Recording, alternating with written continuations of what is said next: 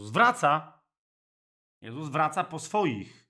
Jezus wraca po mnie, Jezus wraca po ciebie, siostro i bracie. Jeżeli po pierwsze jesteś osobą, która jest nowonarodzona, po drugie, jeżeli jesteś posłuszną uczennicą, czy też posłusznym uczniem Chrystusa, żyjącym w posłuszeństwie Jego woli. Jeżeli jesteś uczennicą czy uczniem, który nie tylko na ustach ma, że tylko Jezus jest Panem, ale całe Twoje życie jest wielkim, jednym wielkim świadectwem, że tylko On Ci wystarczy i w związku z tym całe Twoje życie jest wołaniem, że Jezus wraca, ostrzeżeniem dla świata, że Jezus wraca oraz pocieszeniem dla braci i sióstr, że hej, Jezus wraca po nas. W tym tygodniu cały czas rozważamy, czym jest takie życie. Co to znaczy, że my całym swoim życiem demonstrujemy, że Jezus wraca? Otóż to jest życie kogoś, kto nie śpi, ale czuwa, bo Pan Jezus powiedział, że na tym polega czekanie na Niego, aby nie spać, ale czuwać. Dowiedzieliśmy się już w tym tygodniu e, z paru fragmentów, które podawałem, bo to są króciutkie nauczanka, ale wciąż możesz ich znaleźć, znaleźć multum po tych paru, które ja przedstawiłem, że czuwać znaczy czynić, nie tylko nie robić czegoś, na przykład nie spać, ale też robić coś. Zasadniczo pełnić wolę Bożą w ramach swojego osobistego powołania. Nie pełnić coś, co ci mówią w Twoim kościele, że jest do wypełnienia, co ci mówią w Twoim zborze, co ci nakazuje Twój własny system moralno etyczny, filozoficzno-religijny, który sobie na bazie Biblii wymyśliłaś czy wymyśliłeś, ale co mówi ci Duch Święty, który mówi głosem samego Pana, bo jest przecież duchem Chrystusa.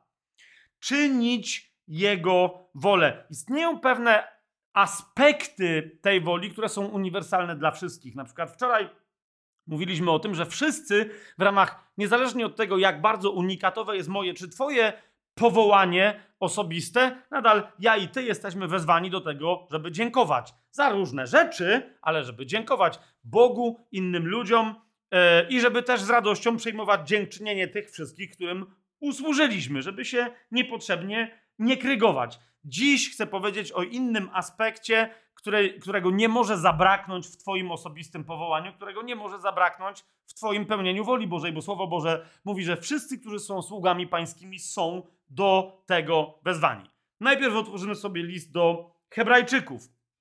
Widzisz, my jako słudzy Boże, jako uczniowie Chrystusa, już jesteśmy kapłanami Nowego Przymierza. Nie ma żadnej specjalnej kasty kapłańskiej w Nowym Przymierzu. Wszystkie nowonarodzone osoby, całe nowe stworzenie ma charakter kapłański. Teraz nasze kapłanowanie Chrystusowi polega na zasadniczo składaniu ofiar, bo kapłan jest od tego, żeby składać ofiary, żeby składać dwie ofiary. Trzy, ale dwie sensu stricte. Y, jedna z nich bowiem to jest 12 rozdział listu do Rzymian, mówi o tym, żebyśmy składali swoje ciała w ofierze. Ale tam chodzi o to, że mamy składać swoje ciała w ofierze po to, abyśmy wiedzieli, jaka jest dobra przyjemna i doskonała wola Boża względem nas. Więc to nie jest właściwa sensu stricto y, ofiara. Natomiast list do Hebrajczyków mówi, że kiedy my żyjemy w taki sposób, że złożyliśmy swoje ciała w ofierze, tak jak Chrystus złożył swoje ciało w ofierze, to jest list do Hebrajczyków, 13 rozdział. 13 wersecie Paweł mówi: Wyjdźmy więc do niego poza obóz, biorąc na siebie jego pohańbienie Chodzi o jego śmierć krzyżową, a więc mówi, kiedy my składamy swoje ciała w ofierze, a więc chcemy, aby wszystkie nasze członki, jak na przykład mówi Paweł w liście do Rzymian w szóstym rozdziale, aby wszystkie nasze członki, całe nasze fizyczne ciało było y, orężem sprawiedliwości, żeby nawet paznokieć na małym palcu nie służył niesprawiedliwości, tak? Więc jeżeli nasze ciało jest złożone w ofierze, to wtedy mamy dwie ofiary Bogu do złożenia, do regularnego składania. One są opisane w wersetach w tym 13 rozdziale listu do Hebrajczyków, w wersetach 15 i 16.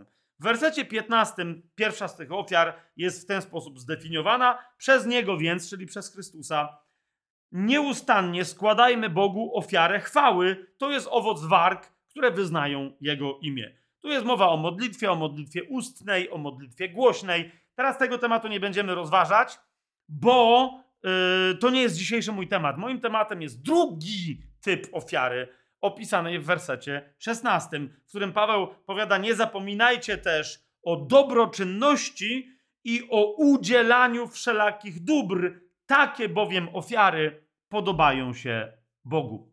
Otóż, siostro i bracie, jeżeli chcesz prawdziwie czuwać, nie może być w Twoim życiu ani jednego tygodnia, a w pewnym momencie powiedziałbym nawet ani jednego dnia, w którym się nie podzielisz z kimś innym zupełnie bezinteresownie czymś materialnym pieniędzmi, jedzeniem, jakąś rzeczą, która może być komuś przy, przydatna. Nie podzielisz się w sensie, że komuś pożyczysz, a potem odbierzesz, ale że komuś dasz bezpowrotnie, a nawet jak pożyczysz, to pożyczysz prosząc może o zwrot, ale nie spodziewając się tego zwrotu i go nie wymuszając.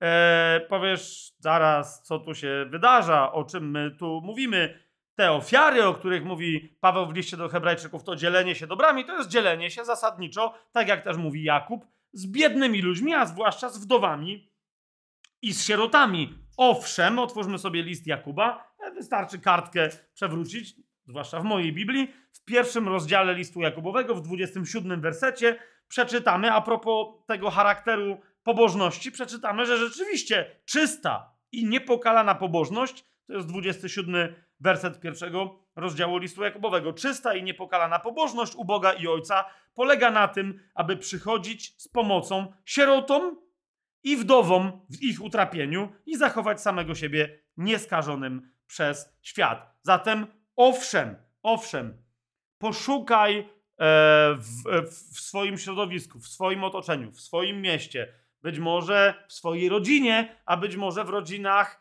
nie wiem, ludzi, z którymi jesteś w zborze. Poszukaj starszych kobiet, które są porzucone, pozostawione, może się nie skarżą, ale naprawdę żyje się im źle. Poszukaj dzieciaków, niekoniecznie z domu dziecka, bo to bywa w Polsce, że są dobrze obsłużone, ale dzieciaków, które są w jakichś rodzinach, niby nie są porzucone, a de facto, de facto żyją jak sieroty. Być może oni wszyscy potrzebują pomocy. Na to wszystko mówię amen i na to wszystko mówię tak. Ale dzisiaj chcę powiedzieć więcej. Otwórzmy sobie Ewangelię Mateusza, piąty y, rozdział w tej Ewangelii, a w tym piątym rozdziale czterdziesty drugi werset. Widzisz, e, bardzo łatwo niektórym chrześcijanom przychodzi się wytłumaczyć, że no ale ja nie mam wdów znajomych, nie mam w rodzinie, sieroty w Polsce to są zapewnione, a sierotą w Brazylii co mnie to obchodzi, ja jestem w Polsce. Otóż znajdziesz wielu innych ludzi, którzy albo są w potrzebie yy, i ty ich widzisz, albo są w potrzebie i przychodzą do ciebie i nie możesz udawać, że ich nie widzisz. I my często jako chrześcijanie wymyślamy jakieś takie światowe filozofie, ten kombinuje, ten manipuluje, ten coś, ale zauważ Słowo Boże, yy, gdy chodzi o nawet manipulantów i naszą postawę wobec nich, jest jednoznaczne. Pan Jezus nam mówi, Ewangelia Mateusza, 5 rozdział, 42 werset, temu, kto cię prosi, daj. A od tego, kto chce od ciebie pożyczyć, nie odwracaj się. I tyle. Chce ktoś pożyczyć, to mu pożycz. Jeżeli oczywiście masz. Jak nie masz, to co innego. Ale jeżeli masz, powiesz, no tak, ale ja nie wiem, czy jutro nie będzie potrzeby, czy coś, ale zauważ, co mówi Słowo Boże. I my tu zazwyczaj się tłumaczymy, zaczynamy się wić, jak jakieś, rozumiesz, piskorze, czy inne dzikie zwierzęta, które się specjalizują w, w profesjonalnych ucieczkach. Nie, nie uciekaj. Nie, nie, nie, to jest to jedno wyrwanie, zdane wyrwanie z wyrwane z kontekstu.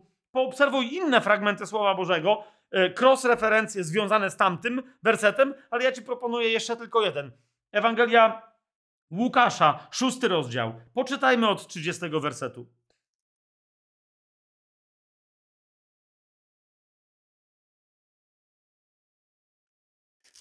Yy, Ewangelia Łukasza sobie otworzyłem Ewangelię Marka, jestem zdziwiony, co to czytam.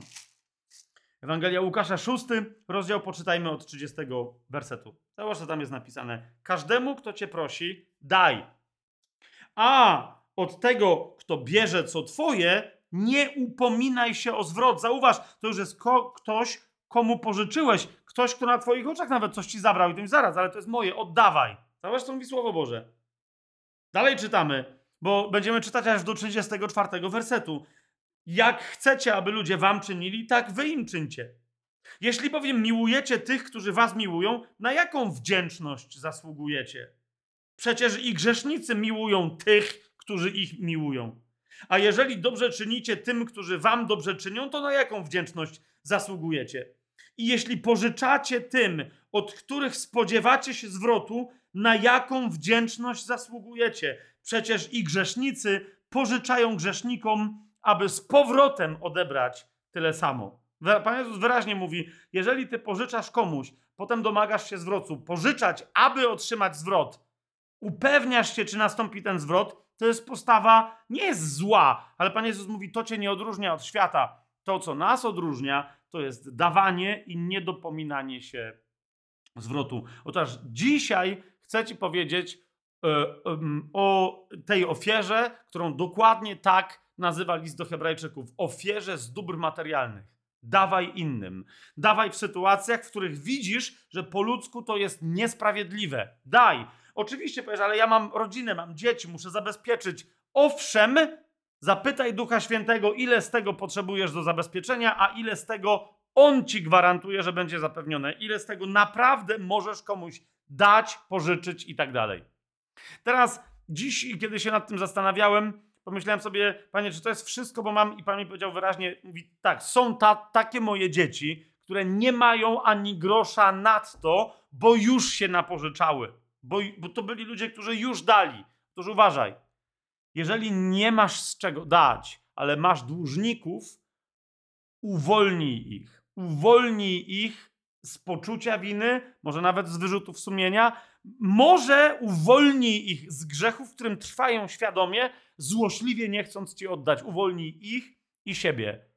Daruj im dług. Jeżeli, bo to jest także forma dawania, o której mówi Słowo Boże. Niekoniecznie ty musisz coś mieć, co komuś dasz. Już coś miałaś, już coś miałeś i już to komuś zostało dane, ale teraz ten ktoś nie chce ci oddać. Umówił się z tobą na coś i tego nie masz.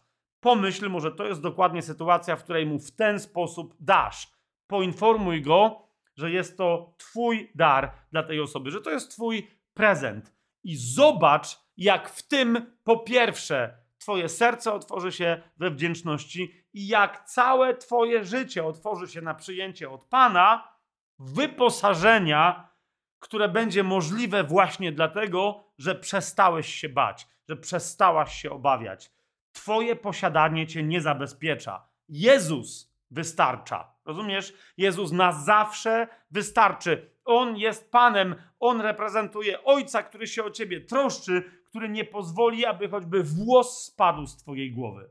Jeżeli chcesz prawdziwie pełnić Jego wolę, mieć tę pewność w sobie i uwolnić się od lęku, to wolność od lęku zaczyna się od tego, że będziesz roztropnie ale bez lęku, z miłością służyć innym, dając. Jak dzisiaj, siostro i bracie, jesteś gotowa, jesteś gotowy dawać? Jak dzisiaj, siostro i bracie, jesteś gotowy odpuszczać długi, które inni mają u ciebie? Jak dziś jesteś już gotowa? Jak twoje serce jest gotowe? Jak ty jesteś gotowy być dziś materialnym błogosławieństwem dla świata. Pan Jezus w jednym miejscu, w wielu miejscach w Ewangelii mówi, że kto będzie wierny Jemu, a nie pieniądzom, kto będzie służyć Bogu, a nie mamonie, kto się w ten sposób okaże wierny, że jest wierny Bogu w kontekście rzeczy małych, czyli pieniędzy, ten będzie postawiony nad rzeczami znacznie większymi. My, naszą wiarę, można długo krzyczeć: Jezu, ufam Tobie, Boże, ja Tobie wierzę, wierzę w Twoje zaopatrzenie, Ty jesteś w moim Jehowa, Rafa. Okej, okay, okej, okay, okej. Okay. Prawdziwe wyznanie wiary, że On jest Twoim zaopatrzycielem, zaczyna się w momencie, kiedy Ty dajesz i nie przywiązujesz się do tego, co zostało dane. Kiedy ktoś od Ciebie wziął, pożyczył, może nawet ukradł, świadomie odpuszczasz Okej, okay, pamiętasz o tym, nie wchodzisz drugi raz w te same błędy, ale może właśnie wchodzisz. Dlaczego? Bo reprezentujesz tego, który znacznie gorzej przez, przez ludzi bywa oszukiwany, ale wciąż nie szczędzi im swoich błogosławieństw, bo jak mówi Pan Jezus w kazaniu na górze, Jego słońce świeci tak samo obficie na dobrych i na złych, i Jego deszcz spada tak samo na dobrych i na złych, i mogą tak samo owocować aż do czasu, kiedy on przyjdzie i ich rozliczy, czy byli pszenicą uczciwą, czy konkolem i chwastem, który tylko przeszkadzał dobrym roślinom w owocowaniu.